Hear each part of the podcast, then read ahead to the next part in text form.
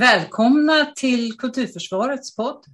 Syftet med podden är att göra konst och kultur till en valfråga inför valet 2022. Jag som leder samtalet heter Ulla Bergsvedin, frilansande skådespelerska, kulturdebattör och grundare av Kulturförsvaret. Dagens gäst är skådespelaren, regissören, tidigare konstnärlig ledaren och teaterchefen för Smålands musik och teater som nyligen kom från uppdraget som konstnärlig ledare för teater på Regionteater Väst till jobbet som konstnärlig ledare för Backa teater i Göteborg. Lars Melin, varmt välkommen! Tack så hemskt mycket. Tack Ulla. Vem är Lars Melin och vad upptar din tid som konstnärlig ledare för närvarande? Det var ju liksom två, två frågor ändå, vem, vem jag är och vad som upptar min tid. Ja, ja men vem jag är? Jag, har väl, jag är väl en människa med, med många intressen skulle jag säga. Jag är såklart, såklart teater och konst, men samtidigt jag är en stor eh, entusiastisk fågelskådare. Mm. Och skådat på fågel, skådat fågel ända sedan jag var sju år faktiskt. Så det är ju något som jag ägnar mig åt ibland när tid finnes. Eh, då tar jag mig till naturen, ut i naturen. Och jag tror det är ett sätt för mig att komma ut i naturen så där. Eh, för mig är det som meditation faktiskt. Mm. Alltså att gå upp en tidig morgon, gå ut antingen ensam eller med min bror eller en kompis och spana efter fåglar, försöka upptäcka nya spännande fåglar och se gamla kända fåglar också vackra. Um, ja, men jag tror att det, är liksom, det för mig det är en total total avslappning, avspänning och total koncentration. Så jag tror jag behöver det för att kunna arbeta den pausen. Och sen spelar jag trummor mm. i ett band som heter, som heter Rya skog. Ehm, och vi har spelningar och repar och sånt, det är också någonting som jag håller på med. Ehm, och sen är det familjen. Jag har ju två döttrar och en fru. Ehm, och det är ju nog det viktigaste i mitt liv och har alltid varit. Det relationella och min familj. Sen jobbar jag ju såklart mycket och det gör jag gärna, det är väldigt roligt, men jag försöker alltid hitta tid så att jag också kan vara närvarande hemma.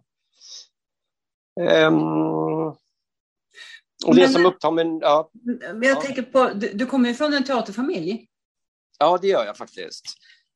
Min, jag är uppväxt med det där. Jag träffade tyvärr inte min morfar, men morfar och mormor, de var ju liksom filmstjärnor mm. på ja, 40, 50, 60-talet skulle jag säga. Mm. Så min morfar var ju verkligen en megastjärna i Sverige då, skådespelare och även regisserade faktiskt. Han har gjort över 70 filmer. Mm. Och sen min mamma var också skådespelare. Och Ska du säga också vad din morfar hette?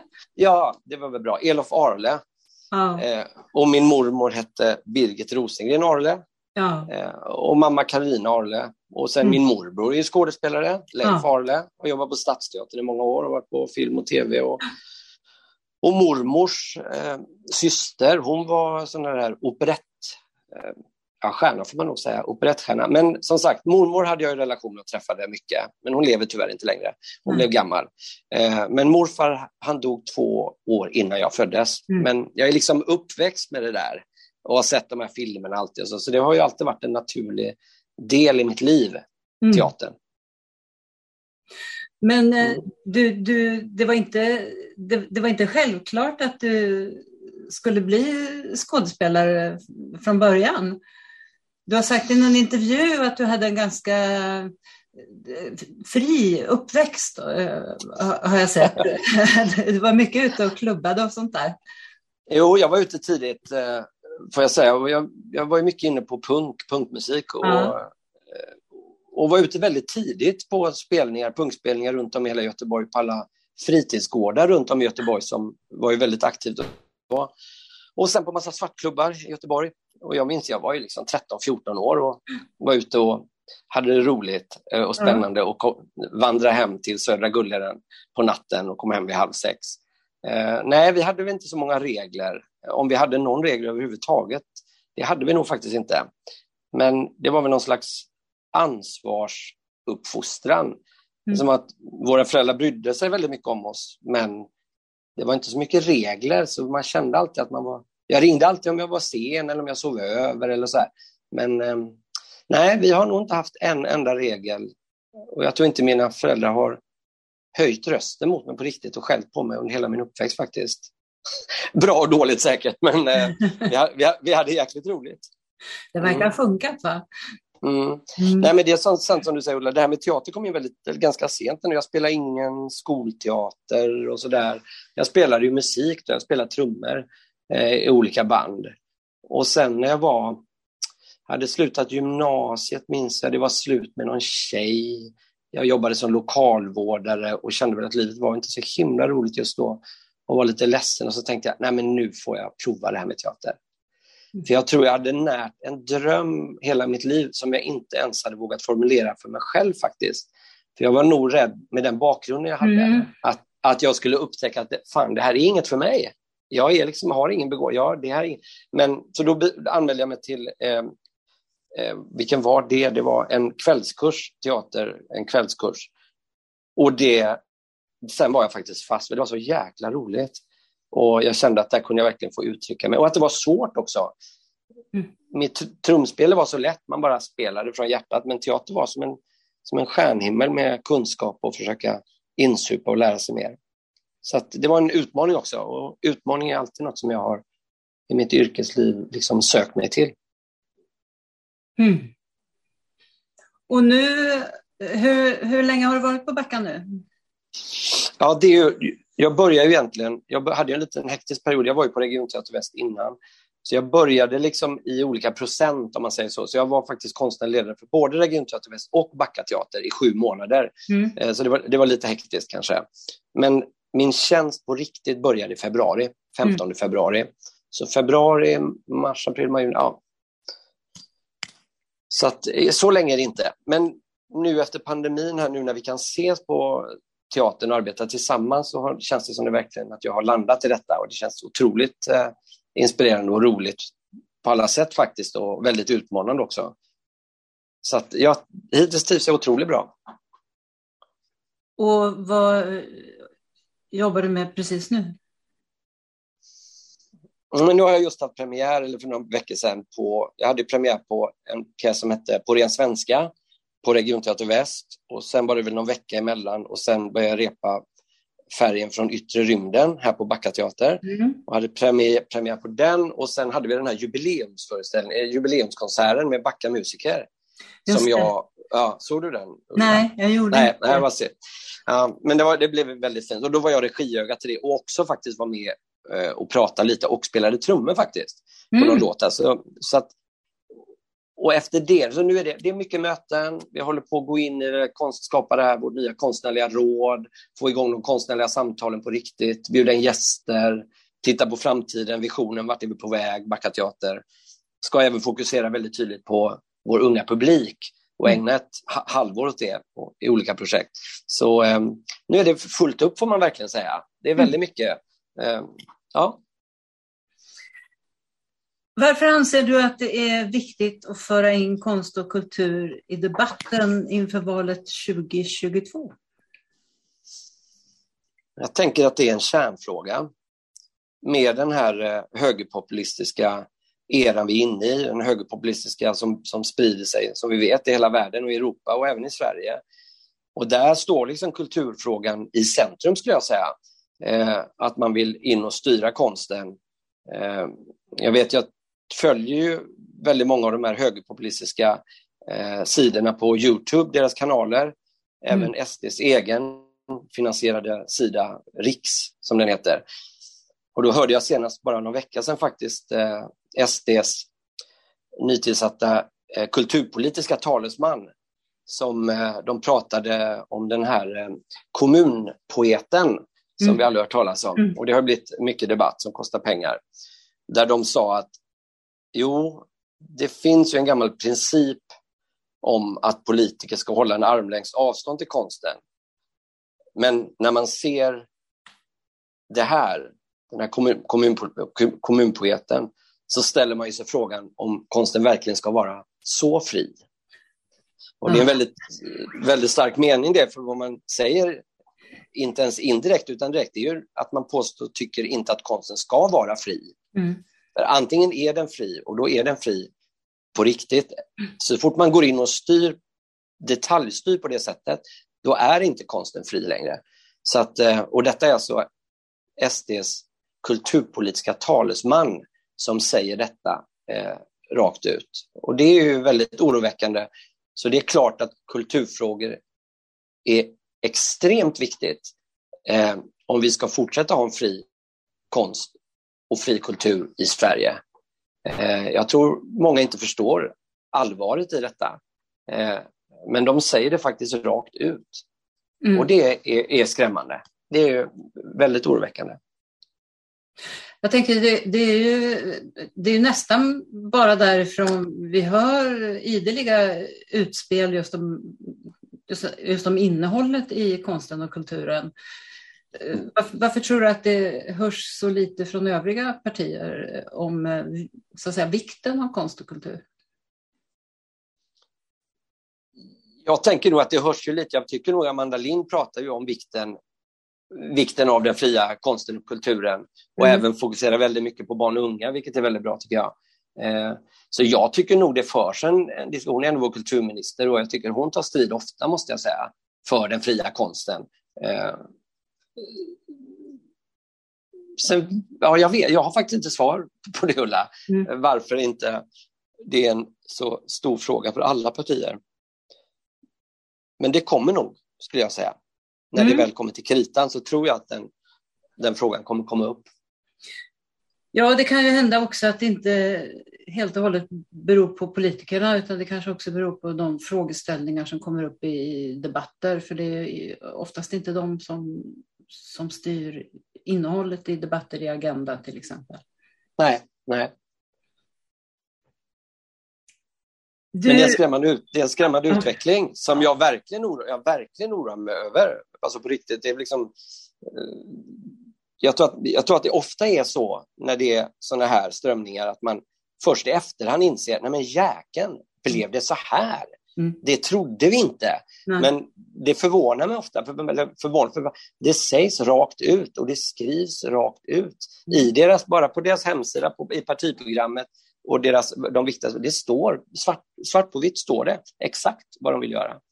Eh, ja. Men jag tror inte alla är inte så insatta och intresserar sig inte utan man blundar för det. Men jag tror att eh, sen kommer, om det blir så att de skulle komma till makten så skulle man sätta halsen och, och tänka att herregud, blev det så här allvarligt? Ja, de har sagt det hela tiden. Ja, precis. De har ju inte mörkat det. Nej. Eh, en annan fråga. Du har jag som sagt nyss tillträtt som konstnärlig ledare på Backa Teater och det var också där som du och hela din klass från Teaterhögskolan i Göteborg startade er bana som skådespelare och du arbetade där en tid som skådespelare. Du gjorde också din regidebut där. Vad, vad var det som gjorde att du började regissera? Men det var som du sa, Ulla, vi fick ju jobb hela vår klass. Det var Eva Bergman som var klok och, och hon anställde hela vår klass då. Mm. Sen var det några av oss som jobbade kvar ganska länge faktiskt. Jag jobbade som skådespelare på Backa Teater i över tio år. Mm. Men sen var det nog det här med längtan efter att, att troligen att få, få, få, få driva igenom mina konstnärliga idéer och ambitioner. Mm.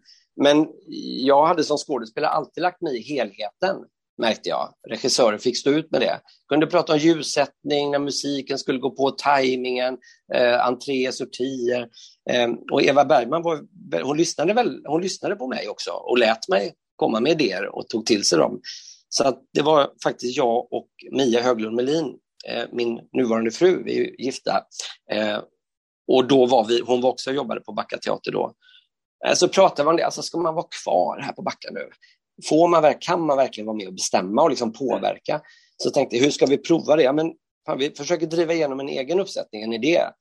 Och då började vi leta pjäser och titta och då hittade vi den här Line Knutsson Stickor i hjärtat som vi tyckte var väldigt bra. Och så frågade vi Lasse Wäringer om han ville vara med och spela och det ville han. Vi frågade Gustav Hammarsten från Stockholm, skådespelare som Mia hade jobbat med innan och han ville vara med. Och vi frågade Karin Dahlström eh, scenograf, kostymör, fantastiskt bra. Och alla ville vara med. Och sen hade vi möte, jag och Mia, med Eva och presenterade den här idén. Och hon sa bara, ja, det låter jättebra, kör. och vem ska regissera? Ja, men det ska jag göra. Ja, det är klart att du ska. Och så gjorde vi det. Mm. Men jag tror att, och då var det också min arbetsmetod, att jag tror att det var en frustration som jag hade haft som skådespelare länge. Att inte skådespelare blev liksom tilltalade som egna konstnärer. De bär på en enorm erfarenhet, kunskap, de har ett konstnärskap. Så jag tyckte att ofta att, som skådespelare att jag blev liksom åsidosatt, att ingen lyssnade riktigt på mig. Så då skapade jag någon metod som jag fortfarande arbetar med. Att eh, redan innan vi började repetera, några månader innan, gav jag uppgifter till alla skådespelare, även till teknikerna, även till producenten, till ljussättaren, till alla liksom som var med och jobbade. Att de skulle ta med typ eh, ta med fem låtar, ta med fem bilder, ta med tre texter. Så hade vi liksom workshops kring tematiken redan flera månader innan vi började repetera. Och sen var jag mån om att liksom verkligen lyssna in alla, eh, och då inte bara skådespelare utan även alla i huset. Rent konstnärligt också, ta in och lyssna in och på, bli påverkad som regissör för att få den här delaktigheten för från skådespelarna, att de känner att de, de har liksom ett ägande i den här föreställningen. Och det är deras berättelse som kommer ut och deras val också ibland. För jag tror att det är, det, som, det är ändå till syvende och sist skådespelare och musiker på en scen som berättar en historia för en publik. Och om det är förankrat, att man känner att det här, jag har varit med och påverkat det här, de här valen, de här konstnärliga valen, så står man med rakare rygg och berättar en liksom helare personligare historia till publiken. Mm. Och det har jag fortsatt att, att, arbeta på det sättet. Så det var dels var det en längtan rent egoistiskt konstnärligt att vilja få driva igenom mina idéer, eh, att ha mandat för det helt enkelt. Och sen också en frustration att inte folk, liksom de som arbetar med föreställningen, blir inbjudna på riktigt. För det finns, och det är ju som på Backateatern måste jag säga, Visst, jag är konstnärlig ledare, ja, men jag är intresserad av samtalet med hela huset. Inte bara med konstnärlig personal, det också såklart, men med hela huset. Och verkligen liksom, det, det finns sån enorm kunskap och erfarenhet. Mm. Här är människor på Backa Teater som har valt aktivt av konstnärliga skäl att arbeta med scenkonst för barn och unga. Och det är något alldeles speciellt skulle jag säga att göra det. Och den liksom erfarenhetsbanken de har byggt upp. Det vore liksom idiotiskt om inte jag tar del av det och lyssnar in det. Och helt enkelt få mig de ska hjälpa mig att ta bättre konstnärliga beslut, helt enkelt. Så att, eh, ja, det var tvådelat. Helt personligt, eh, konstnärligt, att jag längtar efter att gå vidare, nya utmaningar och kunna driva igenom mina idéer eh, och även lyssna in eh, alla som är med och arbetar med en i en process. Så det var, det var tudelat här. Mm. Det här låter och, som en sån här chefsseminarium du skulle kunna hålla rent allmänt. ja, ja, ja. Nej, men jag tror verkligen på det. Liksom. Jag tror på den här delaktigheten. För då står de sen och berättar, det ser man på scen. Att de liksom, det här är min historia, jag har varit med, jag har påverkat, mm. det är jag som har kommit på den här idén. Eller vad. Som till exempel Färgen från yttre rymden som jag regisserar. Det är ju inte min idé, det är Ulf Rönnerstrands idé. Han är skådespelare på Backa Teater. Mm. Och det var han som bjöd in mig att regissera. Alltså det är idealiskt liksom. Mm. Bara för att jag är regissör eller konstnärledare så behöver inte jag ha de bästa idéerna. Sen är det viktigt att jag har en stark tilltro till min magkänsla, min intuition och min, vad, vad jag tror på funkar och vad jag tror på är bra. Och, och det gör jag. Men jag kan alltid bli påverkad. Och det vill jag bli. Ja. Mm. Du har sagt också att göra scenkonst för barn och unga innebär en konstnärlig frizon. Vad menar du med det? Jag har nog till och med sagt att det är en kommersiell frizon. Eh, där, där det skapas ett rum som möjliggör att konsten faktiskt kan vara fri. Mm. Eh, så fri den kan bli. För jag tror att det har med att när vi gör scenkonst, det är därför jag har ägnat hela mitt yrkesliv, faktiskt över 30 år nu, med scenkonst för barn och unga. Jag, liksom, det här, jag trivs i det kommersiella frizonsrummet. För att då, då behöver man inte gå så långt, man behöver inte kompromissa bort konsten mm. och göra kompromisser som man egentligen tror på konstnärligt publikt för att locka publik. Mm. För vi har ju, vi spelar för skolor eh, och vi spelar offentliga också, men de, alltså, vi behöver inte göra, vad ska vi säga, vi behöver inte jobba med igenkänning Eh, för att många av dem vi spelar för, många människorna har kanske aldrig sett teater ens innan. Mm. Så de har inga förutfattade meningar om hur teater ska vara. Eh, och man behöver inte ha kändisar för att locka publik. Jag menar, jag, jag jobbade i Jönköping ett tag som konstnärlig ledare, teaterchef. Och det var ju mycket vuxen. Och jag försökte göra konstnärliga experiment. Vi bjöd in Frida Röhl till exempel och göra en stor, stor Maria Stewart på stora scenen. Vi fick ju fantastiska recensioner. Men publiken svek ju. De tyckte det var liksom konstigt eller att de inte förstod, eller liksom, med all respekt för det. Men, och sen slutade det med att jag tänkte men nu får vi gå in i den publika eran, för vi, kom, vi måste ha publik också. Och då gjorde vi så här, spelman på taket med ja, någon kändis i huvudrollen och, och det var ju fullsatt. Men då tröttnar jag, och det är rent konstnär. Jag, måste, jag vill liksom som konstnär vara i det där landskapet där vi kan verkligen skapa på riktigt det vi verkligen tror kommer funka för publiken utan att vi behöver kompromissa bort konsten eller göra konstnärliga val för att locka publiken, utan vi har ofta publiken ändå. Och detta är ju bra, för detta vinner ju alla på. Mm. Publiken vinner ju på det, för då riskerar det faktiskt att bli jäkligt personligt och bra också. Jag säger inte att man inte kan göra kvalificerad scenkonst för vuxna, missförstå mig rätt. Nej, Men det, man slåss ändå med att fylla de här stora salongerna, särskilt på institutionerna.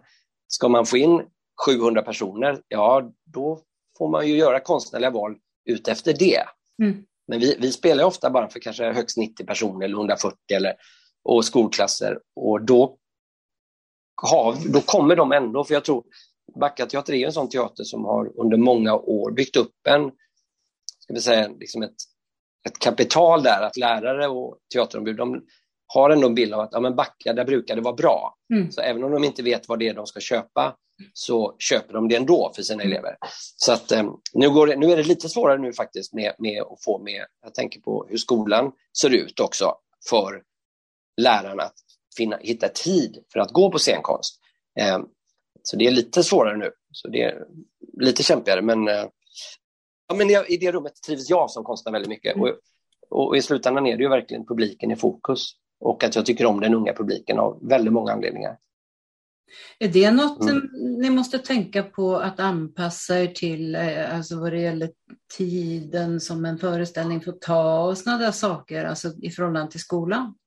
Hela tiden. Ja. Så att, jag sa ju det, så fri den nu kan vara. Mm. Eh, men det är klart att vi, men vi kan alltid, vi kan göra en föreställning som är fyra timmar också, det gör vi ju med mm. nationen mm. till exempel. Mm. Så att eh, då får vi anpassa, då får vi jobba på andra sätt med lärare och hitta mm. lösningar i, för de har ju sitt schema som de ändå ska följa. Men, eh, nej, men det är ofta är det så här, men den kommer bli runt en timme, eller, ja, men då, då vet de som säljer att då kan, de, kan man jobba så här.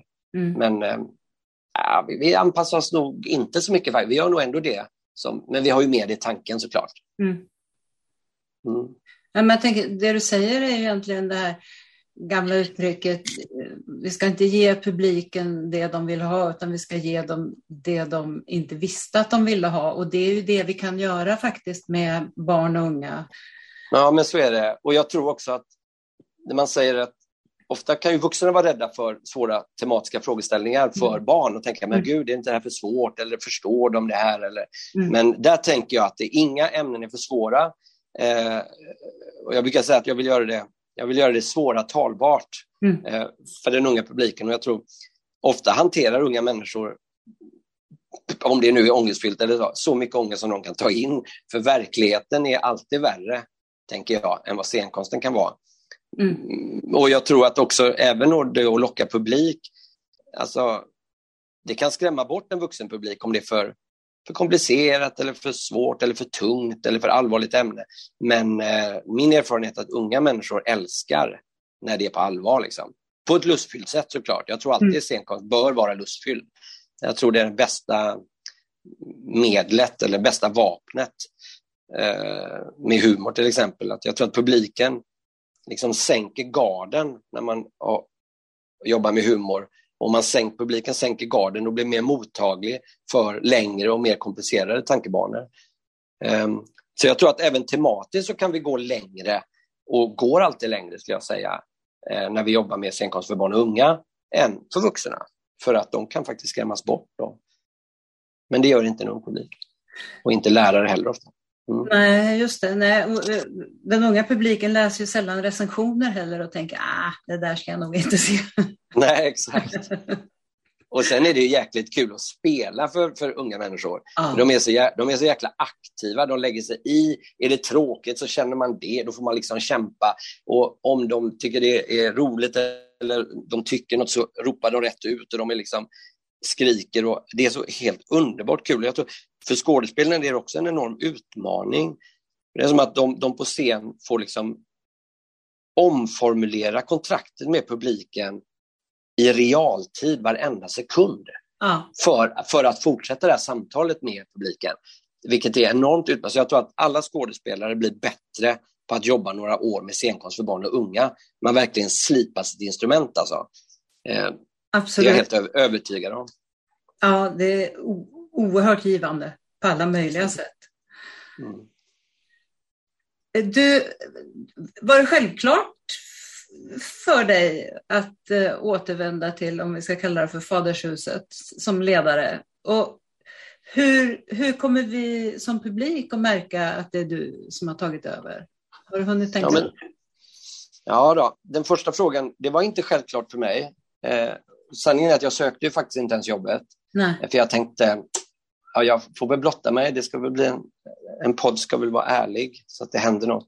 Men ja, dels tänkte jag faktiskt efter Mattias Andersson som var konstnärledare innan i 13 år på Backa Teater. Mm. Han hade ju stor, stor framgång och han är ju en stor konstnär som jag har stor respekt för.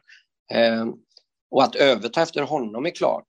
Eh, det fanns ju en rädsla i mig eh, som människa, alltså, vad fan det, jag tänker, det kan ju bara bli sämre, vad fan.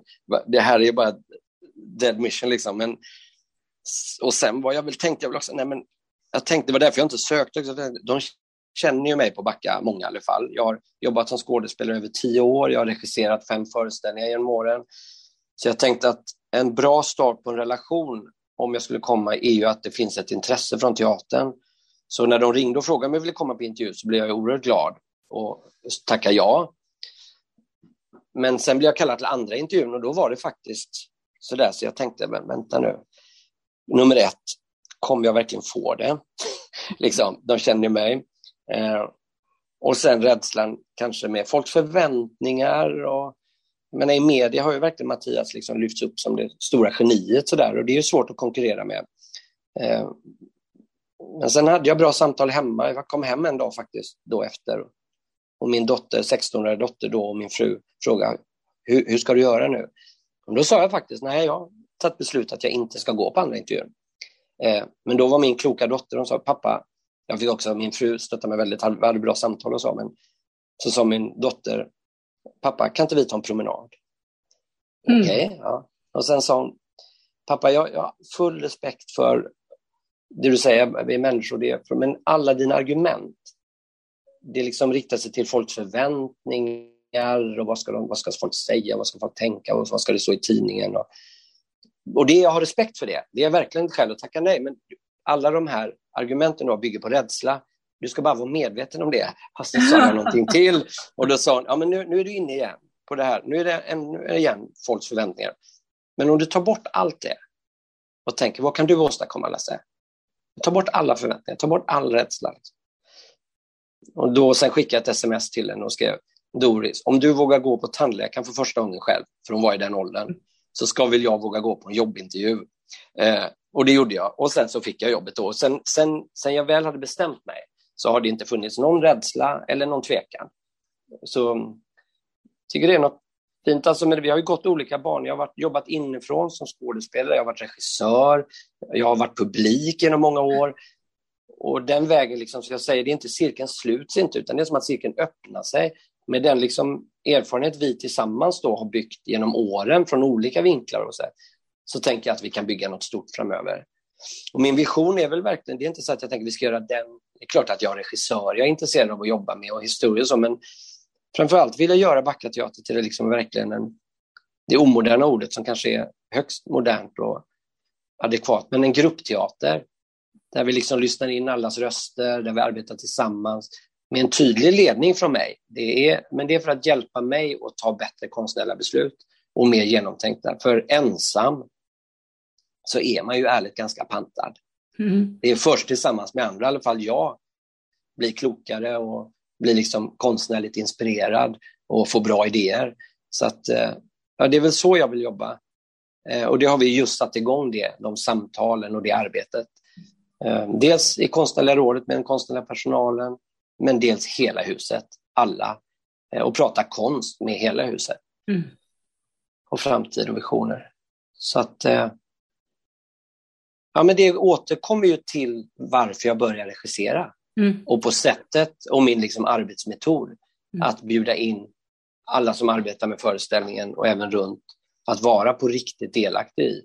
Utan att därmed släppa mitt ledarskap som mm. regissör eller som konstnärlig ledare. För det tror jag på. Jag tror på ett starkt ledarskap mm. i en organisation, på en teater. Eh, jag tror att man kan jobba platt men, men hierarkiskt. Jag tycker inte det är någon, något skällsord att det är hierarkier. Sen kan man jobba ohierarkiskt, men jag tror att det ska vara tydligt vem som tar beslut och vem som får mm. stå för besluten. Och, men jag tror att den här teatern, de medarbetarna som finns här i hela huset med den erfarenheten och den, den totala hela professionalismen och ambitionen och intresset för vår unga publik, de kan tillsammans med hjälpa mig att ta bättre konstnärliga beslut. Så det ser jag fram emot. Ja, det, det låter låter, låter lovande tycker jag. Och vilken eh, klok dotter du har. Jag vet. Jag är tacksam för det. Ja.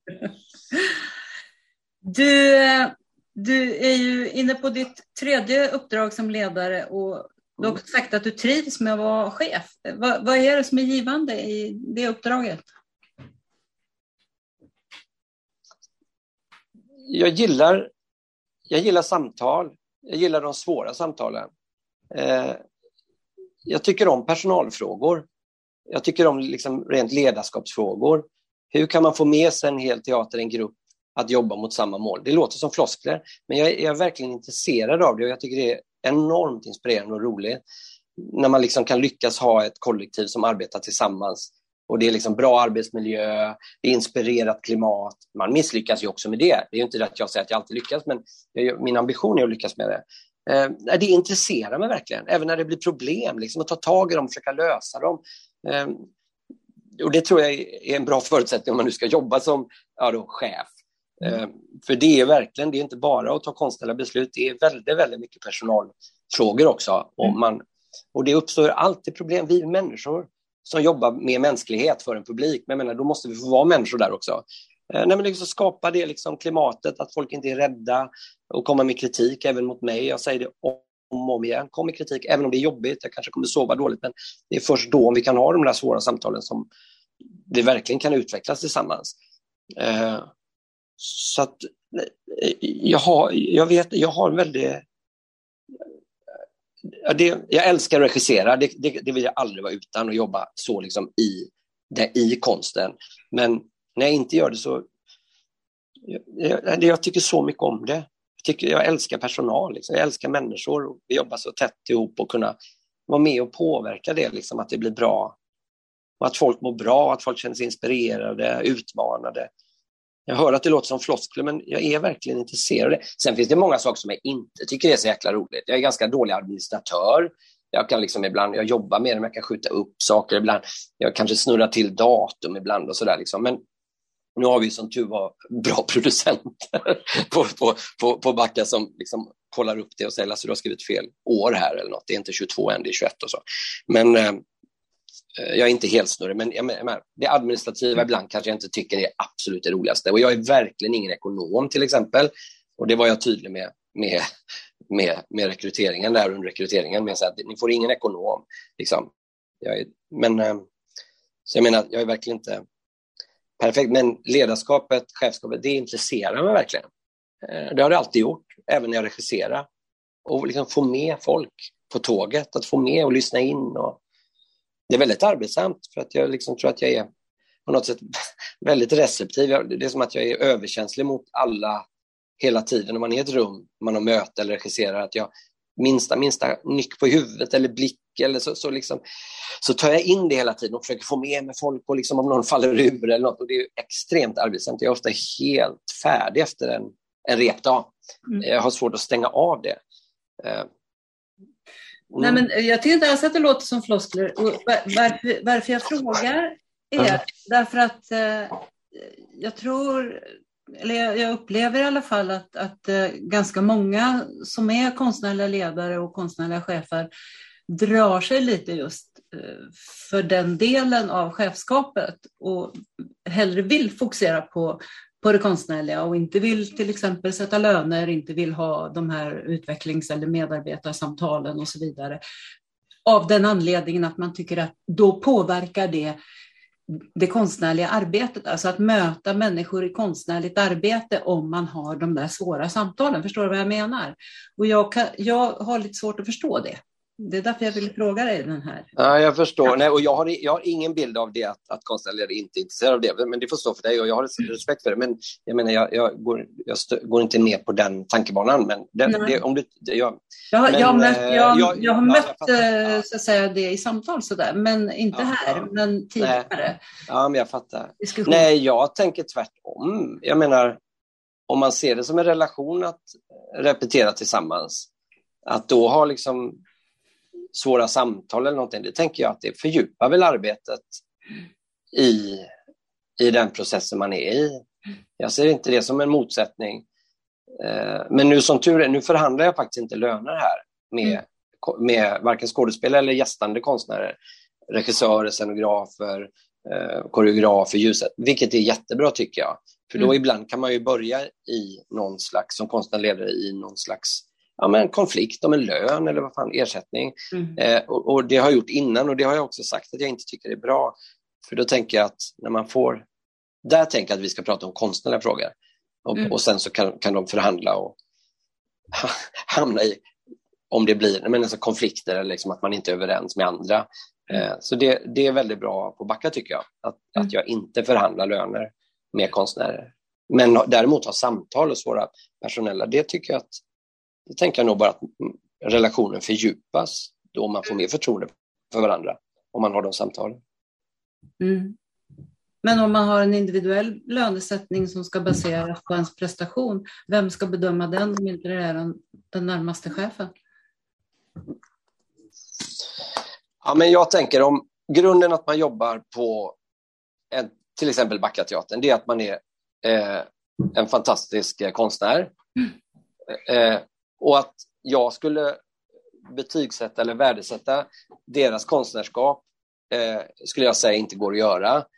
Eh, utan det är en grund, grundlönen är att de, de är anställda här. Och sen kan det vara andra saker. Ett engagemang på möten, man kanske kommer för sent eller man får pusha lite och säga men nu får du liksom inte den lön. Du måste komma i tid. Eller, jag tror mm. att det har inte med konstnärskapet att göra som man mm. betygsätter och sätter lön utifrån utan det är liksom en förutsättning de som anställs på Backateatern, de tänker jag har högsta konstnärliga kvalitet och mm. är superproffsiga, vilket de är. Mm. Och, så att det, det, är inte där lönen sätts, skulle jag säga. Och dessutom blir det orättvist. För det kan ju vara att någon, kanske, liksom, någon får ofta stora roller, säger vi, eh, och någon får mindre. Ska mm. de få mer betalt då, då blir det en sån dubbelbestraffning på något sätt. Jag menar, mm.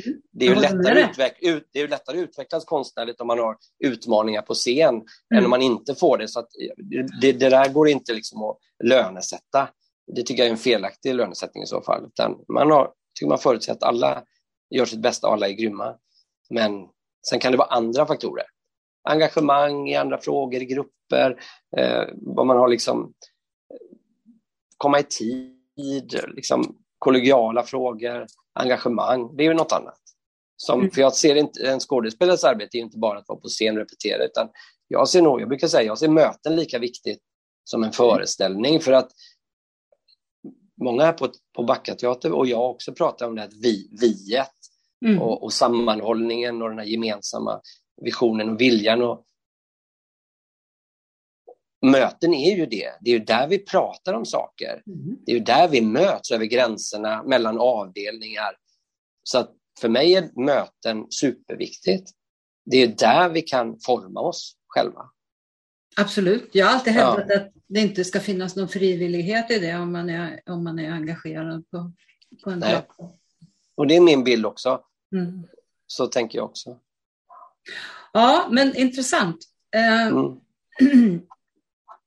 Många i beslutande positioner som jag har talat med känner att det är för mycket styrning och redovisande. Nu låter det som att du kanske inte eh, har så mycket av det här redovisandet på ditt bord. Men just det här med att det då blir för lite tid till det konstnärliga arbetet. Eh, hur ser du på det? Eh, eh ligger det mycket på dig? Nej, det gör det inte. Eh, jag är såklart delaktig, men jag, som tur är finns det folk på den här teatern som är kunnigare och bättre som, som driver det eh, arbetet. Mm. Men jag är involverad i det och har åsikter och så. Men jag, kan, jag skriver under på att det är mer ska säga, byråkrati nu mm. och mer eh, styrning och det ska redovisas uppåt. Liksom. Men det är inte jag som drabbas av det personligen och, och, och, och än så länge så skadas så drabbas inte heller konsten, alltså det vi gör sceniskt. Men det är andra personer i organisationen som får jättemycket mer jobb med det. Och där tänker jag nog att det finns ju en oro, det har ju olika anledningar. Jag vet, liksom, vad säger man, Göteborg, mut, mutstaden eller med alla mm. mutor och sånt. Så att det finns en oro där att man måste kontrollera allt. Men där tänker jag nog i framtiden att jag drömmer om en än, än mer fri konst som är, ska vi säga, förtroendestyrd. Alltså man säger, vi litar på er, är vi tveksamma så kommer vi att kolla på era föreställningar. Typ. jag, liksom, jag menar, vi, vi litar på att här får ni de här pengarna, här är resurserna, vi litar på att ni jobbar, för det har ni bevisat genom åren, att ni jobbar skitbra. Och sen de här liksom, siffrorna som ska in. Och, eh, det kan jag nog också uppleva att vissa personer, tycker jag märks på senare år, det blir mer och mer redovisning, eh, man ska bocka av och så där. Och det, det är olyckligt, tycker jag. Mm. Eh, konsten ska vara, konsten är omätbar och, och, det är kvaliteten med konsten. Jag tänker, jag brukar säga, jag liksom är förespråkare för onyttans konst. Jag tycker inte att konsten har något uppdrag alls egentligen. Eller att den ska vara god eller stå för bra åsikter eller någonting. Jag tänker konsten ska vara fri, den kan vara deprimerande, den kan inte, behöver inte vara uppbygglig. Den kan vara deprimerande och komplicerad för publiken. Och det är jättejobbigt att se konst ibland. Och det ska konsten få vara. Jag brukar säga att den dagen då konsten finner sitt existensberättigande genom att vara nyttig så blir den liksom per automatik onyttig för ett samhälle. Mm. Så jag, en hyllning till den onyttiga konsten, säger jag. Jag tror att det, det, är då vi, det är då som publiken kommer gynnas allra mest, när den inte är styrd. Du, du, menar också att det finns ett synsätt på konst som inte bär sig själv, som inte är värd att bevara. Vad, vad tror du att det beror på? För, jag menar, teater för barn och unga kan ju aldrig bära sig, men beskrivs Nej. däremot i vackra ord i alla kulturplaner. Är det i själva verket då bara floskler? Nej, jag tror vad jag, vad jag menar med det är nog att särskilt från den här högerpopulistiska strömningen som finns nu, att det finns eh, många som säger eh, att en, en, en konst, en kultur som inte bär sig själv, inte är värd att bevara. Mm. Detta var ett citat. Mm. Eh, också från SDs eh, mm. nyhetskanal, Riks. Eh, och då är min fråga, en, en försvarsmakt som inte bär sig själv, är den värd att bevaras? Mm. En skola som inte bär sig själv, är den värd att bevaras? En sjukvård som inte bär sig själv, är den värd att bevara? Självklart är den det. Och konsten och kulturen har en så central roll i ett fungerande demokratiskt samhälle. En fri konst är liksom förutsättningen för ett demokratiskt fungerande samhälle. Så att självklart ska konsten kosta, kosta, kosta mycket mer. Och den ska inte bära sig själv, för den bär folk och den bär det fria ordet och den bär demokratin. Så är det. Amen. Amen. Ja, men jag menar, jag tror att... Jag jo, menar, men jag tror att mycket, mycket, om man säger det, att konsten, konsten inte bär sig själv, är inte värd att bevara, så tror jag tyvärr att det är så att det saknas en kunskap mm. hur kulturpolitiken i Sverige fungerar. Mm. Om en biljett på till exempel vår nationalscen Dramaten skulle inte vara skattefinansierad, subventionerad, så skulle den kosta, jag tror 1380 kronor eller något sånt där, mm. har jag räknat ut cirka. Eh, och då skulle inte, citationstecken, vanligt folk ha mm. råd att ta del av den. Så att eh, Självklart ska det kosta och det ska kosta än mer för det berikar människor, det berikar vårt samhälle och det berikar demokratin. Du, du, du har ju också sagt att även vi inom det konstnärliga fältet då behöver tala om värdena i konsten utöver egenvärdet men inte genom att tala om vinst i pengar för du vill peka på andra vinster. Vad är det för vinster du vill eh, peka på? Nej, men jag tror eftersom man, och det förstår jag, när man för en argumentation med politiker som mm. ofta har massa olika expertisområden och massa områden de arbetar med, mm. så är det självklart att de inte kan vara experter eh, på eh, att förstå all konst som görs, med all respekt. Men då kan man bli som kulturarbetare att man ska försöka argumentera så att till exempel politiker förstår vikten av konst. Och då börjar man prata ekonomism. Mm. Man pratar om att det finns en nytta, vi kan ha kultur i vården eller det psykisk ohälsa kan vi jobba med. Och det är det jag menar, om vi börjar prata ekonomism och prata och argumentera för att det blir ekonomisk vinning för ett samhälle, vilket det såklart blir också, men på mycket längre sikt. Mm. Men att det blir ekonomisk vinning eh, för en kommun till exempel att ha ett eh, nybyggt kulturhus. Så tänker jag att vi gör oss en otjänst. För att om man ska dra in pengar så finns det så jäkla mycket bättre sätt än att satsa på kulturen och mycket snabbare sätt. Och att om vi då ger upp och börjar vårt kon vår konstnärliga argumentation, om vi börjar prata ekonomism så biter vi oss själva i svansen, eller konsten och kulturen i svansen. För att om vi gör det så kommer vi inte kunna argumentera mot andra, eh, eh andra möjligheter att göra snabba pengar för en kommun. Liksom. Så att jag tror att det är viktigt att vi inte pratar ekonomism och inte kallar eh, till exempel publik för kunder. Till exempel, ja men det är en klassisk grej. Eller att vi ska absolut inte prata om attraktivitet utan vi ska prata något annat. Eh, för jag tror just konstens egenvärde, och det är inte för konstnärernas egen skull, det är för publikens skull, för att de ska gynnas. Det är fokus på dem. Och där, det blir ju en, lite förvirring ibland när, när folk säger att ja, men om konstnärer vill hålla på, de kan väl måla hemma och om, om de får sålt något är det väl bra. Men det, det där bygger på ren, ren okunskap. Mm. Och nästan genant okunskap ibland tycker jag säga att de känner att de gör bort sig för att de kan så lite. Det är väl för att det inte finns det intresset. Men eh, ja, så tänker jag att det, vi ska absolut inte gå in och argumentera på ett liksom ekonomistiskt sätt, om du förstår vad jag menar med att vi börjar prata ekonomism. Utan vi ska fortsätta prata om konstens, den fria konstens egenvärde. Och då inte för sin egen skull, utan som sagt för publikens skull. Mm. Det är för demokratins skull, för samhällets skull. Men tror du att det kan finnas liksom ett, en, ett missförstånd där i och med att vi pratar om det här med egenvärdet? Så, så mm. det, blir lite för, det, det, blir lite för abstrakt. För att det du säger nu är ju att det är för publikens skull och det blir ju mera, det blir mera konkret ändå. Ja. Ja, jag håller med. Än, än, än det här med egenvärdet. För det, det, liksom, det, det, mm. det är återigen lite, lite, lite flummigt sådär som vi upplevs kanske av många. Att, att vi pratar om konstens egenvärde. Medan om vi säger att det är till för publiken, medborgarna, okej, skattebetalarna då. Så, så, mm. så blir... Men Ulla det, Ulla, det är roligt den där, du säger den här, där flummigt, det är så himla roligt det.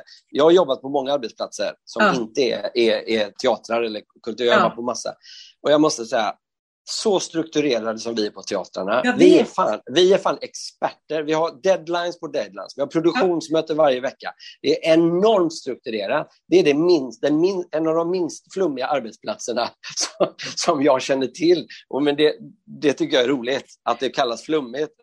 Det är jo, det minsta flummigt det kan jag vara. Jag håller med dig. Men vi är ex, experter om vi tänker efter lite grann, om vi, om vi också är ett ögonblick jo, jo, självkritiska när vi kanske läser intervjuer med människor som mm. tillhör våra skrån och mm. ser vad det står sen i intervjuerna. Ja, jag måste sova till klockan ett varje dag och sen går jag ut med hunden och promenerar i skogen innan jag går till föreställningen. Varje gång jag läser en sån intervju ja. Så skriker jag högt. Därför att jag vet ja. att det är faktiskt en verklighet som väldigt få har. ja. Eller när det sitter ja, ja, någon Dramaten-skådespelare och talar om, om att ja, i vår bransch behövs alla hela tiden, även vi äldre och då är de uppåt 80 år. Och vet att jag, jag, vet att de sitter och ljuger där, två kvinnor.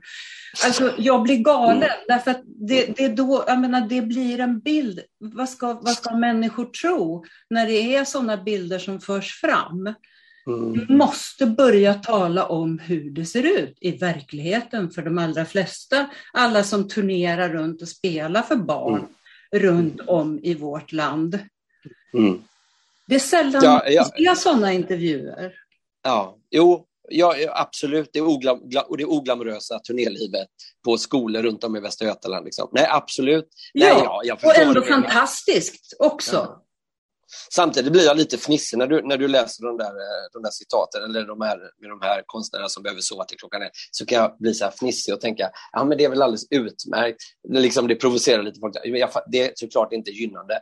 Ja, men det men, de inte eh, säger nej, är att de inte kommer hem från klockan, klockan halv två för att de ska Exakt. sitta och åka också. Men det, det, det säger du aldrig. Nej, jag förstår vad du menar. nej, nej, det ligger något i det. Absolut. Så det, det, det, det, blir ju också en slags är av det. Jag blev ju tillfrågad en gång av en gammal man eh, uppe hos min pappa mm.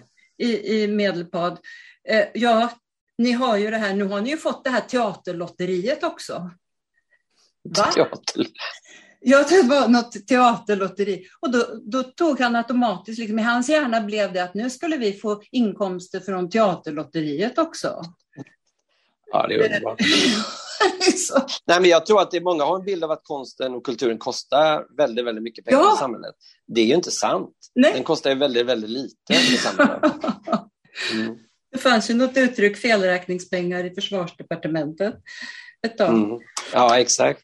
Och apropå det så har ju du suttit i referensgruppen på Kulturrådet som fördelar mm. anslag till fria professionella grupper. Så att eh, du vet ju om någon hur små summor det mm. handlar om fördelas från visst, men från visst politiskt håll så låter det faktiskt som om det vräks pengar över konstnärer. Ja. Nu är vi tillbaka hos SD och Jimmy Åkesson, så han har uttryckt det så här under deras förra landsdagar, de pågår ju mm. nu igen att den så kallade fria konsten handlar om att socialister ska försörjas på skattebetalarnas bekostnad.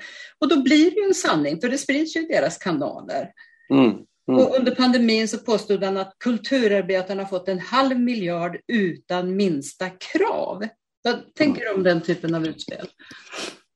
Nej, men det är ännu en gång en okunnighet jag menar bara när man sett, jag satt i referensgruppen, alltså det var ju som att vi var ju fan ledsna varje gång. Alltså, alltså är det inte mer pengar? Hur ska vi göra med de här?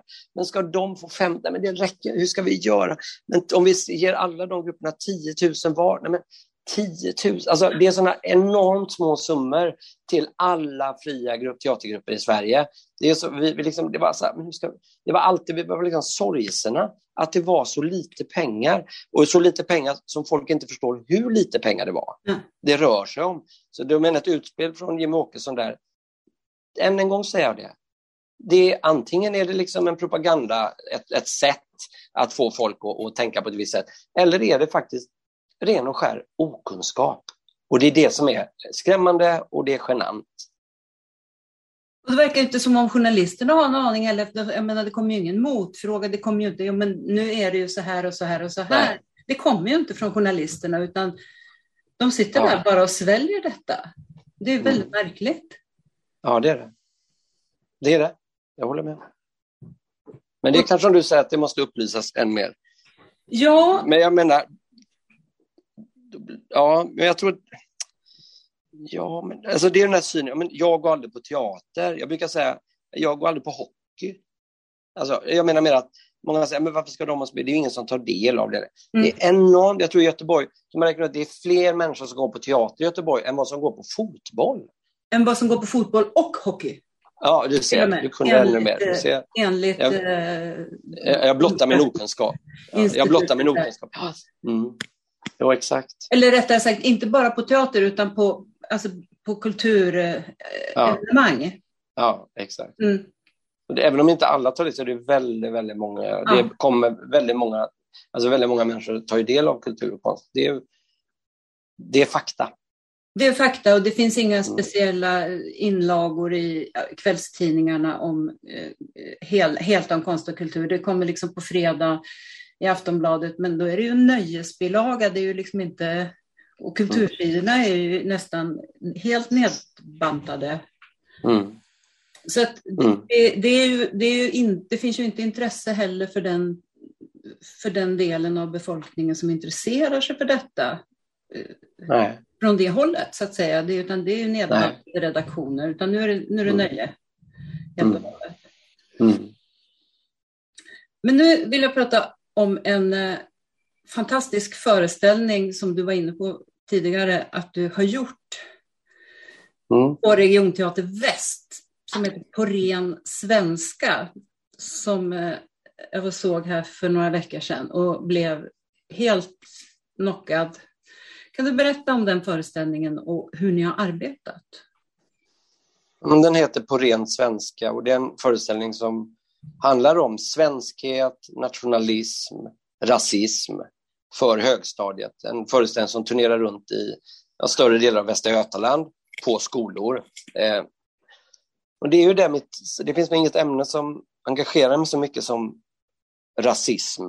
Det berör mig så djupt, det är så djupt sorgligt och så djupt, så, så urbota korkat på alla, alla plan och så omänskligt.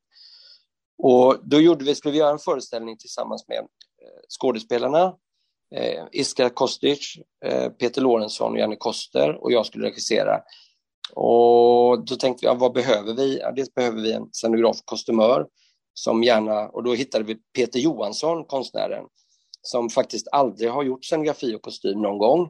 Men han har jobbat med nationalism och rasism och svenskhet i över 30 år. Eh, och han tackar ja, det var väldigt, väldigt roligt. Eh, han gjorde ett fantastiskt jobb. Ja. Och så Amerika, eh, Vera också, som vi, som vi har faktiskt aldrig jobbat med, men bjöd in henne att vara dramaturg och dramatiker eh, i projektet. Eh, och hon är också, har jobbat med de här frågorna i alla år. Så det var väl att nummer ett var att ta in kunskap eh, så att vi kunde göra en bra föreställning som blev viktig. Eh, och sen har vi gjort så här, en, ännu en gång kommer jag tillbaka till arbetsmetoden. Mm. Eh, det var ett sånt där så kallat devicing-arbete, då, processarbete. Det fanns ingen pjäs från början. Det fanns en idé som handlade om, på ren svenska, då, nationalism, rasism, svenskhet. Eh, och sen så vred vi och vände på det där. Jag gav dem uppgifter, ta med bilder, ta med musik, ta med texter.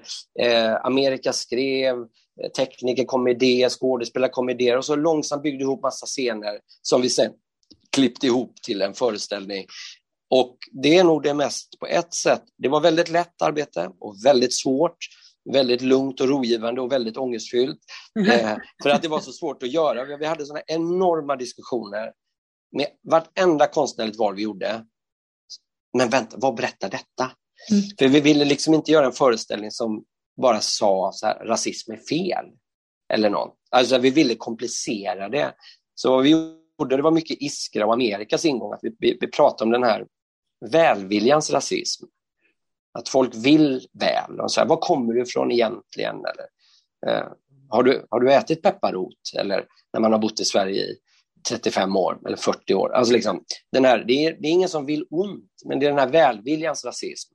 Så att vi på scen inte heller skulle ta de goda och de onda. Så vi vred och vände på det där. I, vi, alltså vi ändrade grejer in i typ dagen innan premiär. Det var liksom, och, eh, den blir väldigt komplex. Dessutom så spelar ju vi den föreställningen för en publik som inte har valt att komma dit, alltså inte kulturintresserad publik som, som går kanske där man bara spelar där de håller med om det man berättar på scen.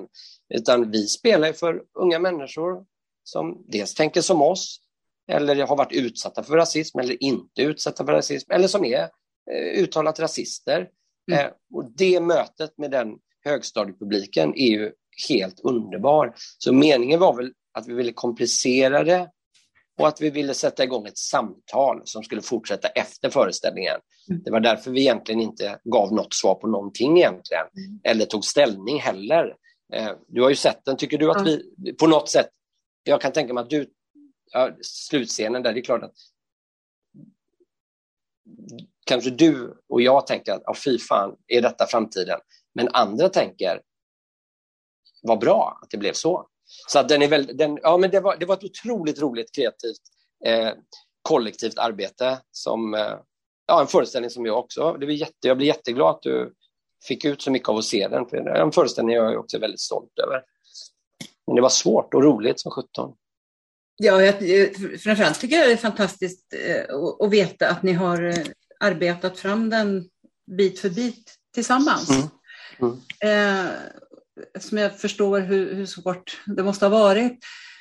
Men, men också att den är så intelligent gjord och just det här med eh, scenografin och kostymen och helheten och att, att man blir så inlurad så att säga. För att det är ju, man sitter ju där och skrattar och nästan myser lite för att det är så mycket igenkänning och man är liksom, man mm. sitter där, ja, och så sen plötsligt så, sitter, plötsligt så börjar det nästan som en sån skruvstäd mot strupen.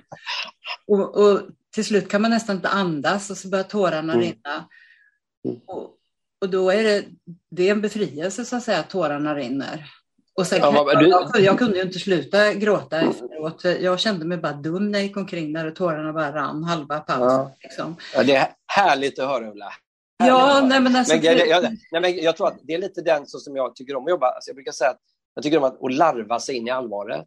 Ja. Eh, för jag menar, första elva minuter eller någonting, det är ju ganska, det är, det är som Fredriksdalsteatern. Ja, ja, visst. Alltså, det, fin, det, fin, ja, det finns inte en enda konflikt och sådär. Och jag, jag, tror att, jag, tror, jag tror verkligen på allvaret i larvet.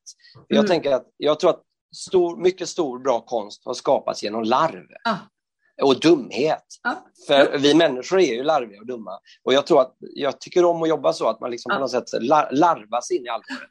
Eh, och då kommer vi tillbaka till det jag sa innan, det här med skrattet, att man ja. sänker som publik garden ja, och så blir man mottaglig. Det, men, och som du säger, jag tror också att det är så att det beror på vem man är, vilka ja. slutsatser man drar. Jag blir ju livrädd bara. Mm. Panik. Mm. Men det tror jag inte alls att alla behöver få. Eh, utan det beror helt och hållet på vem man är och det, det är också väldigt bra. Mm. Naturligtvis.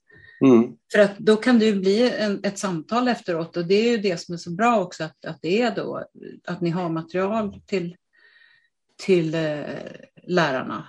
Ja, jo. Så att det kan få, att, att det följs av, av samtal. Mm. Ja, där jobbar ju också Region Teater Väst och Backa Teater också väldigt mycket med det är verkligen så här diger, dig, dig, genomarbetat eh, lärarmaterial ah. för att liksom, någon dag senare, eller någon vecka senare eller två veckor senare prata, stanna upp lite till kring i föreställningens tematik och vad ah. de såg och där man inte pratar bra och dåligt eller, utan ah. man bara stannar upp och liksom eh, för jag tror inte på samtal scenkonst för en ung publik och ha samtal och liksom arbete direkt efter en föreställning. Det har jag alltid varit strängt emot. För att eh, det tänker jag, det förminskar och klipper av associationsbanorna som publiken kan få.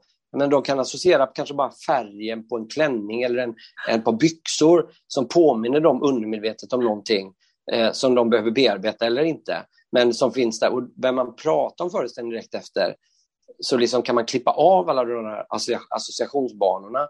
Det är därför jag ofta gillar att göra föreställningar som inte liksom knyter ihop säcken eller ger svar på någonting, utan mm. det lämnar över. Jag tror att man på det, genom det att man aktiverar publiken på ett annat sätt. Jag brukar säga att jag vill skapa en slags kreativ frustration hos publiken så att de vill fortsätta samtala, att de har behov av det. Liksom. Med sig själva eller med någon annan. Men eh, för jag menar, när man gör scenkonst för äldre människor, då har man ju inte för vana att man har samtal efter föreställningen och pratar om vad det handlar om. Mm. Och varför ska man ha det med unga människor? Jag ser unga människor inte som, detta är ju inget nytt, men jag ser verkligen det som fullödiga människor. Ja. Om man så är fyra år eller sju år eller 17 år. Att man inte är på väg att bli en fullödig människa, alltså vuxen, utan det är bara en annan tid i ens liv. Och ofta unga människor, det är ju då man är upptagen med de liksom djupt existentiella frågeställningarna. Kan mina föräldrar dö? Kan ja. jag dö? Vad är universum? Kan det bli krig här? Varför är folk fattiga? Sen i min ålder kanske, jag är 54, jag kanske inte orkar hålla på och vara i de frågorna hela tiden, för då liksom orkar jag inte leva. Så att, men eh, det var ju när jag var ung jag hade de, de riktiga, liksom, de existentiella frågeställningar i mig själv och om omvärlden. Och därför tror jag också att de är öppna för ja, liksom svåra ämnen helt enkelt. Svår tematik i vad vi gör. Ja, bör man fråga därför, av, av, om, ja, av respekt för vår publik så, så, ska man inte ha samtal efter. Om man nu inte har det för vuxna, äldre människor, varför ska man ha det för yngre människor? Nej, och om ett verk inte... Ja, ja. Nej, jag tror de skulle uppfatta det mer som förhör. Ja, jag menar det. Ja. Och de där samtalen är ärligt ganska svåra att få till bra. Ja. För ofta har liksom, man får bygga upp, och det jobbar vi med ibland, man har referensklass där verkligen långsamt lär känna varandra lite mer. Till slut börjar de öppna sig mer och våga vara ärligare. Eller, för de där samtalen, om ni vet när man pratar kort en, en kvart eller något med, eller en timme med främmande unga människor så har de sina relationer i den här klassen. Mm. vissa pratar mer och vissa vågar... Alltså, det är svårt att få till. Man kan göra det bra, men nej, jag tror inte på det. Men gärna i efterhand. Ja. Det, det tror jag på. Mm. Du, du Regionteater Väst eh, gjorde en föreställning som hette Den avvikande meningen för högstadieelever 2015 som undersökte mm. fascismens spår i samtiden. Och då eh, gick ju SD så långt eh, så att det var två SDR som motionerade tror jag om, eller la förslag i alla fall om att de ville stoppa den, men de lyckades ju inte. Nej, det blev till och med en interpellation faktiskt. Ja, interpellation kanske var ja, just ja, det. Ja. Och det föranledde ju vdn Susanna Dahlberg att göra en studie om begreppet armlängds avstånd där det visade sig att det fanns väldigt olika tolkningar av vad det stod för bland de politiker som ska hålla det avståndet. Och resultatet mm. av studien presenterades inför riksdagens kulturutskott på inbjudan av Miljöpartiet och kulturministern i november 2019. Jag var där och lyssnade. Och mm. alla var överens om det viktiga i principen. Men eh, har, har ni fått några påstötningar angående på ren svenska? För där, där upplevde i alla fall jag, alltså, som jag uppfattade det, att den var egentligen tydligare än den här föreställningen, den avvikande meningen eh, som de tog så illa vid sig av då. Mm. Och en rättelse, den pratar inte bara om fascismen, den, pratar, den på eh, den avvikande meningen utgick verkligen från en frågeställning som hela föreställningen började med. Att eh, Stefan Löfven sa det och det datumet, jag kommer inte ihåg vilket datum, att vi har fått vårt första fascistiska parti i, i regeringen. Just det. Eh, och sen sa nu ska vi undersöka det under den här timmen tillsammans med er. Det var mm. en klassrumsföreställning mm. som, i ett slags för, föredragsform. Nu ska vi undersöka detta. Stämmer det? Är Sverigedemokraterna ett fascistiskt parti. Då får vi börja. 1924 hände detta och sen var det en historielektion, eh, ett föredrag och den slutade med att ja, så till stora delar är Sverigedemokraterna ett fascistiskt parti och fascism är fel. Så den var väldigt så liksom, tydlig. Eh, den här är ju inte så tydlig på det sättet på ren svenska, men har, vad jag vet har vi inte fått några eh, påstötningar än. Inte vad jag vet, de har väl inte sett den kanske. Eh, så jag vet faktiskt inte det. Men jag tror inte, inte som har nått mig i alla fall. Nej. Men, men det var ju liksom som, jag menar, det var ju ändå, eh, jag såg den också, men jag, jag, tyckte inte liksom att det var ändå, för det var ju ändå riggat som en slags, eh, det var inte, det var inte, jag upplevde inte den som ett påstående från Region Teater Väst. Förstår Nej, det var, det var teater. Ja, precis. Jo, men alltså jag, jag menar, vi, mm. Eh, för, för, mig var det, var ju det här, för mig var det här ett starkare påstående mm. om, om ras, hur rasism eh, fungerar, mm. så att säga, mm. än vad det var. Mm. För där byggde det ju just på eh, en politisk diskussion. Mm. Men jag måste säga, jag lyssnade på den här interpellationen, för den sändes också då så man kunde ta del av den. Ja. Och, och, det var nästan rörande faktiskt hur alla andra partier liksom pratade om värdet av konst och den fria konsten. Det var faktiskt, ja. jag fällde en tår när jag kollade på det. Ja. Men då var det en, en, den här, en, en, en, en, en sverigedemokrat som, som också uttryckte sig på ett roligt sätt. Jag säger att det är roligt för att det, det är så dumt. Men då sa han att ja, jag är för yttrandefrihet och det, för, det fria ordet, men här går gränsen. Mm. Det är en fantastisk mening. Mm. Likväl som då den kulturpolitiska talesman SD för mm. två veckor sedan säger i, på SDs nyhetskanal, säger att när man ser den här kulturpoeten mm. så ställer man sig frågan om konsten ska vara så fri. Mm. Det är liksom samma mening. Mm. Visst ska vi ha yttrandefrihet, men det finns gränser. Visst ska konsten vara fri, men vi måste titta på varje specifikt fall och säga om det ska vara så fritt. Men då 2015 också, när de inte fick stoppa föreställningen så, så ville de gå in och ändra ägardirektiven istället. Mm. Det, det, fick de ju inte heller igenom. Men ändå, alltså de är väldigt proaktiva eh, mm. när det gäller att strypa eh, den fria konsten. Och inte bara när det gäller fri, fria professionella grupper utan då även den, de som har så att säga, regionen i det här fallet då som huvudman, där de själva mm. ingår. Mm. Uh, ja. Det är intressant. Det är uh, intressant. Jag tänker också just konst för barn och unga väcker ju många gånger väldigt starka känslor. Du var inne på det här lite tidigare. Och främst då från vuxna som hävdar att ämnena är olämpliga eller inte begripliga för målgruppen. Och du har en hel del erfarenheter av det. Mm. Berätta om det och reflektera gärna över varför du tror att det väcker så starka känslor. Jag tror att det är ett synsätt på unga människor som nummer ett. Att man tror inte att eh, unga människor kan hantera svåra frågor, eh, vilket jag är helt övertygad om att de kan, på alldeles sitt eget sätt, som vuxna också. Vi, vissa saker tycker vi är jobbigt att se, vissa tycker andra inte är jobbigt att se. Eh, ett exempel är ju klassiska Susanne Ostens Medeas barn, eh, som när den, nu minns, vet du Ulla, när hade den premiär? Ja, jag, jag skulle tro att det var ja. 1974. Ja, Eh, och den väckte ju, det blev en jättedebatt och det var många vuxna som tyckte att det var förkastligt att deras barn skulle se denna föreställning som handlar om skilsmässa. Och den var ju liksom en problematiserande föreställning för, och tog barnens perspektiv, verkligen. Och när den, hade, den spelades också i Örebro, på Örebro länsteater. Micke Kock regisserade den med deras barn och jag var faktiskt på premiären. Väldigt bra föreställning. Eh, kändes, jag kan ju inte uttala mig för alla, men publiken, den unga publiken verkade den landade väldigt bra. Liksom. Men där blev det också debatt då från föräldrar och, och, tyckte det var förkastligt att de såg detta. Och jag har själv regisserat en föreställning på Riks, på Unga Riks när det fanns, som hette Snopp och snippa. Det var också en sån där process devisingarbete. Och någon vecka innan kollationering, innan vi skulle börja jobba, så blev jag uppkallad till Riksteatern på ett möte, jag och scenografen. Och de sa, Lasse, för föreställningen fanns ju inte än. Vi hade inte börjat jobba. Vi skulle jobba sådär kollektivt och bygga ihop föreställning. Och den hette Snopp och snippa. Och det var samma år som RFSL, tror jag, hade gjort ordet snippa till det liksom officiella namnet för eh, kvinnors könsorgan.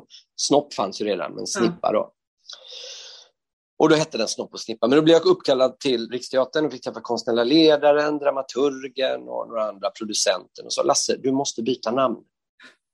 Och jag sa oj, det är det enda som finns än så länge. Och jag, gick och, jag tyckte om det namnet så mycket. Och de sa, nej det är för att halva Sverige, norra Sverige var det, de vägrade ta in det i försäljningsbladen. För att den hette Snopp och snippa. Och jag sa, men ja, men nu har ju tjejerna fått en snippa, ska de bli, liksom, ska de bli av med den med en gång? Här Och de sa, ja men vi måste ju sälja den och sälja. Och till slut, ja, så, har du några andra namnförslag? Och jag förstod ju snabbt att jag ska inte komma. Jag hade några andra förslag också, men det sa jag inte, för jag tyckte det här, jag sa att måste vi spela den då? Måste vi spela den? Vi skiter i att spela i norra Sverige. Och så åker vi upp och så tar vi diskussioner med dem, de som har backat och var rädda. Så tar vi, jag menar, vi har ju alltid en längtan och en önskan att konsten ska vara viktig. Och här verkar det som att den verkligen är viktig. Det blir ju väldigt laddat nu.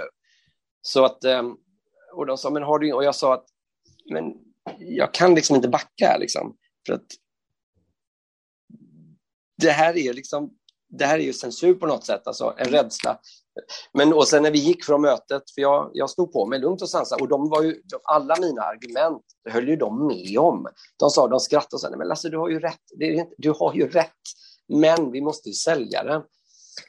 Och sen när vi gick från mötet så minns jag, det var Karin Dahlström faktiskt också, som jag jobbade med, kommer du ihåg Stickor i hjärtat, första, hon var ja. scenograf och kostymör. Och hon var fin när vi gick till eh, pendeln där, så, eller tunnelbanan, så sa hon, ute i Hallunda, så sa hon, ja vad bra att du stod på det Lasse, sa hon. Om det är så att du väljer att hoppa av, då är jag med på det. För det, hon hade också, det var hennes jobb, hon hade ju pengar. Sen efter en vecka, två veckor så ringde de faktiskt och sa att Nej, men nu har de ändrat sig så att den får heta Snopp och Snippa. Och sen, den föreställningen gästspelade faktiskt i London på ett nybyggt eh, scenkonsthus för scenkonst för barn och unga. Och tyvärr var jag inte där, för jag var på en begravning. Det var en släkting som hade gått bort. Så jag kunde inte vara på plats i London, men Susanne Osten var där vet jag. Hon ringde mig sen också och var alldeles exalterad. Men eh, då spelade de en gång för unga människor, det var i lågstadiet och lärarna var där. Andra föreställningen så blev det bojkott. De sa vi, vi vågar inte ta våra elever hit. Och sen blev det en jättediskussion och sen spelade de ändå och det var liksom knökfullt och det blev liksom världens halabaloo där. Eh, så visst, visst finns det någon slags rädsla ibland, men då fram, från vuxna, inte från unga, un, unga människor. Det kommer alltid från vuxenhållet, men, oron. Men, och då har, de ofta inte, då har de ofta inte sett föreställningen nej. eller läst boken eller nej. lyssnat på skivan, utan nej. ofta är det helt obefogat. Men, mm. men var alltså titeln, eh, hade det någonting med så att säga, innehållet att göra? Eller var det bara det att var de rädda att det var porrfilm man skulle få se? Eller? Nej, de såg ju den, så det var ju lite den var ju väldigt vänlig, sådär, men den hette ju Fanny and Willy där. Det var ju deras Aha. slang för Snopp ja, Men det, det, var några, den började med att det kom in två nakna människor, en kvinna och en man, men de var inte nakna. De hade kroppstrumpor, beiga. Ja, ja, och sen hade de kardborreband på snippan och snoppen, ja. det var en snopp och så, och så på ja. brösten, bröstvårtor. Och sen började de byta, eh, började byta liksom snopp på bröstet och de bytte mellan, mellan sinsemellan och sådär. Eh, så jag vet inte om det var det. Jag, ärligt talat, jag kan inte förstå upprördheten, för den var ju väldigt så här, den var liksom rolig och, och, och absolut inte provocerande på något sätt. Ja, mm. verkligen inte provocerande, för prov provokation i sig tycker jag är ganska ointressant. Det är lätt att provocera, men utan mening så liksom faller det. Ja, nej, men det, det, det är många gånger man tänker att eh, det, är, det, det är de vuxnas rädsla det handlar om och, och de vuxnas egna känslor. Så är det. Men du, innan vi kommer till den sista frågan. Du, du, sa ju det, du, nämnde, du nämnde ju det i början här om ditt intresse för fåglar. Eh, jag, jag, jag, jag, skulle ändå vilja fråga lite, för jag ser ju dina uppdateringar på Facebook och jag ser dina fantastiskt eh, vackra fågelbilder. Och jag förstår ju att du är ute alltså extremt tidigt eh, i, i ottan och eh, lurar mm. för att få se dessa fåglar. Hur, hur, många har du nu sett och vad är, vad är det som är ditt nästa objekt? Ja, i, helgen, I helgen så fick jag ju se faktiskt en fågel i, i Vänersborg. En, en fågel som jag, är nog den fågeln jag har fantiserat allra mest om att få se.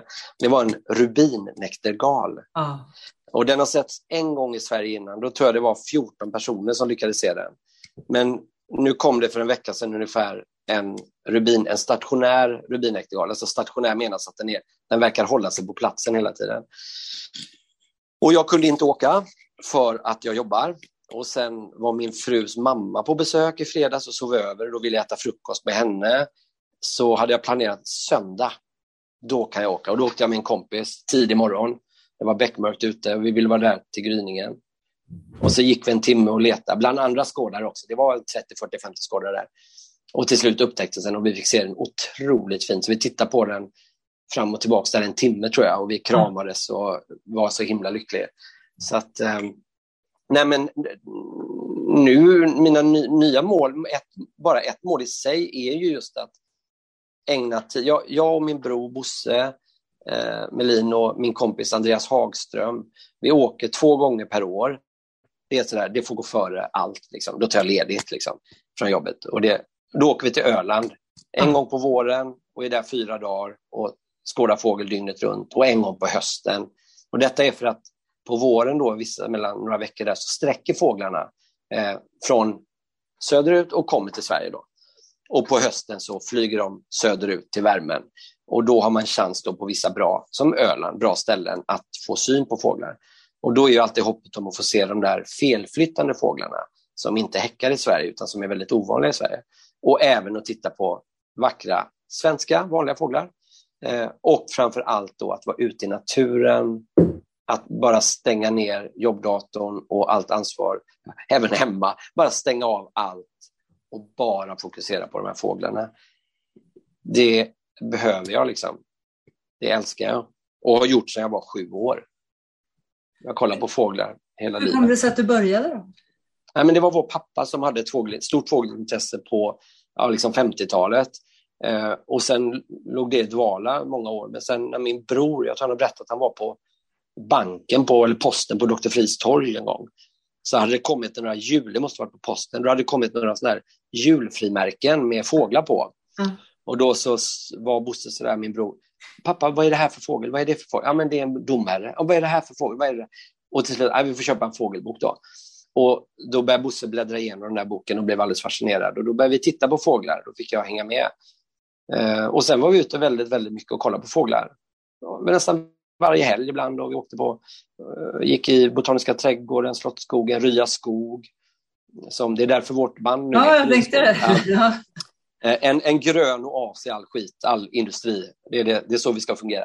Men, eh, och sen så åkte vi till Öland nästan varje år med pappa, eh, kolla på fåglar. Eh, och, och jag vet, jag och Bosse, vi, vi satt med den här fågelboken och förhörde varandra. Vi höll för namnet. Och så, vad är det här för något? Vad är det här för något? Vad är det här för något? Eh, och det är roligt med ett sånt här särintresse, för ju mer kunskap man får, desto roligare är det. Mm.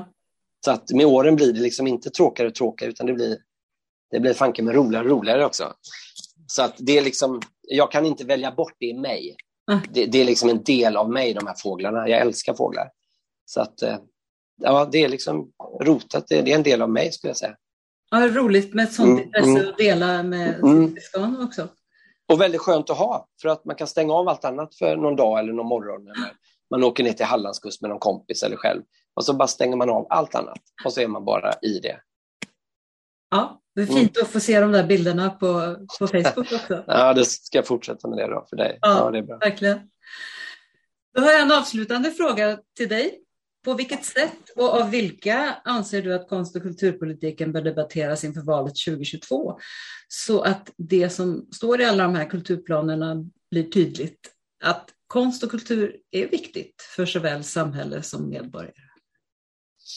Ja, men jag skulle säga då nu när de här högerpopulisterna har det som en av sina huvudfrågor eh, så tänker jag att alla andra politiska partier bör gå in i den kulturdebatten och prata om vikten av fri konst för demokratin, för det fria ordet och för människan. Och jag tror även vi konstnärer bör ta, som vi gör nu, eh, att vi pratar om detta. Eh, så tror jag att vi måste föra upp eh, det på agendan hela tiden.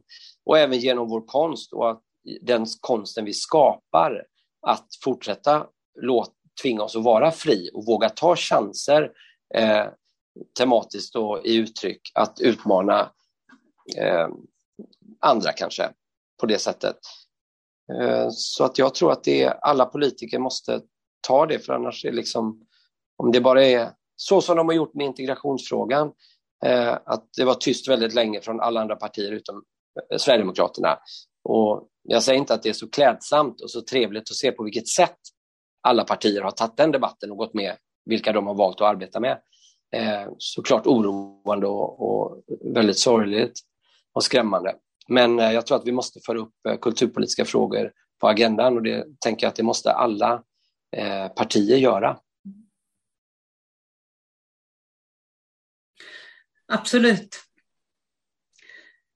Stort tack Lars. För tack snälla Ulla. Ja, tack Ulla att jag fick att du bjöd in mig. Tack. Och tack för att ni lyssnade. De som vill veta mer om kulturförsvaret, de kommande poddar, kan gå in på kulturförsvaret.se. Poddarna hittar ni på sidan och där poddar finns. Och om ni vill gå med i vår Facebookgrupp så är det bara att gå in och ansöka om medlemskap. Gruppen är öppen för alla som är intresserade av konst och kultur och tycker att det är viktigt att konst och kultur och fri press och media diskuteras på samma villkor som andra politikområden inför valet.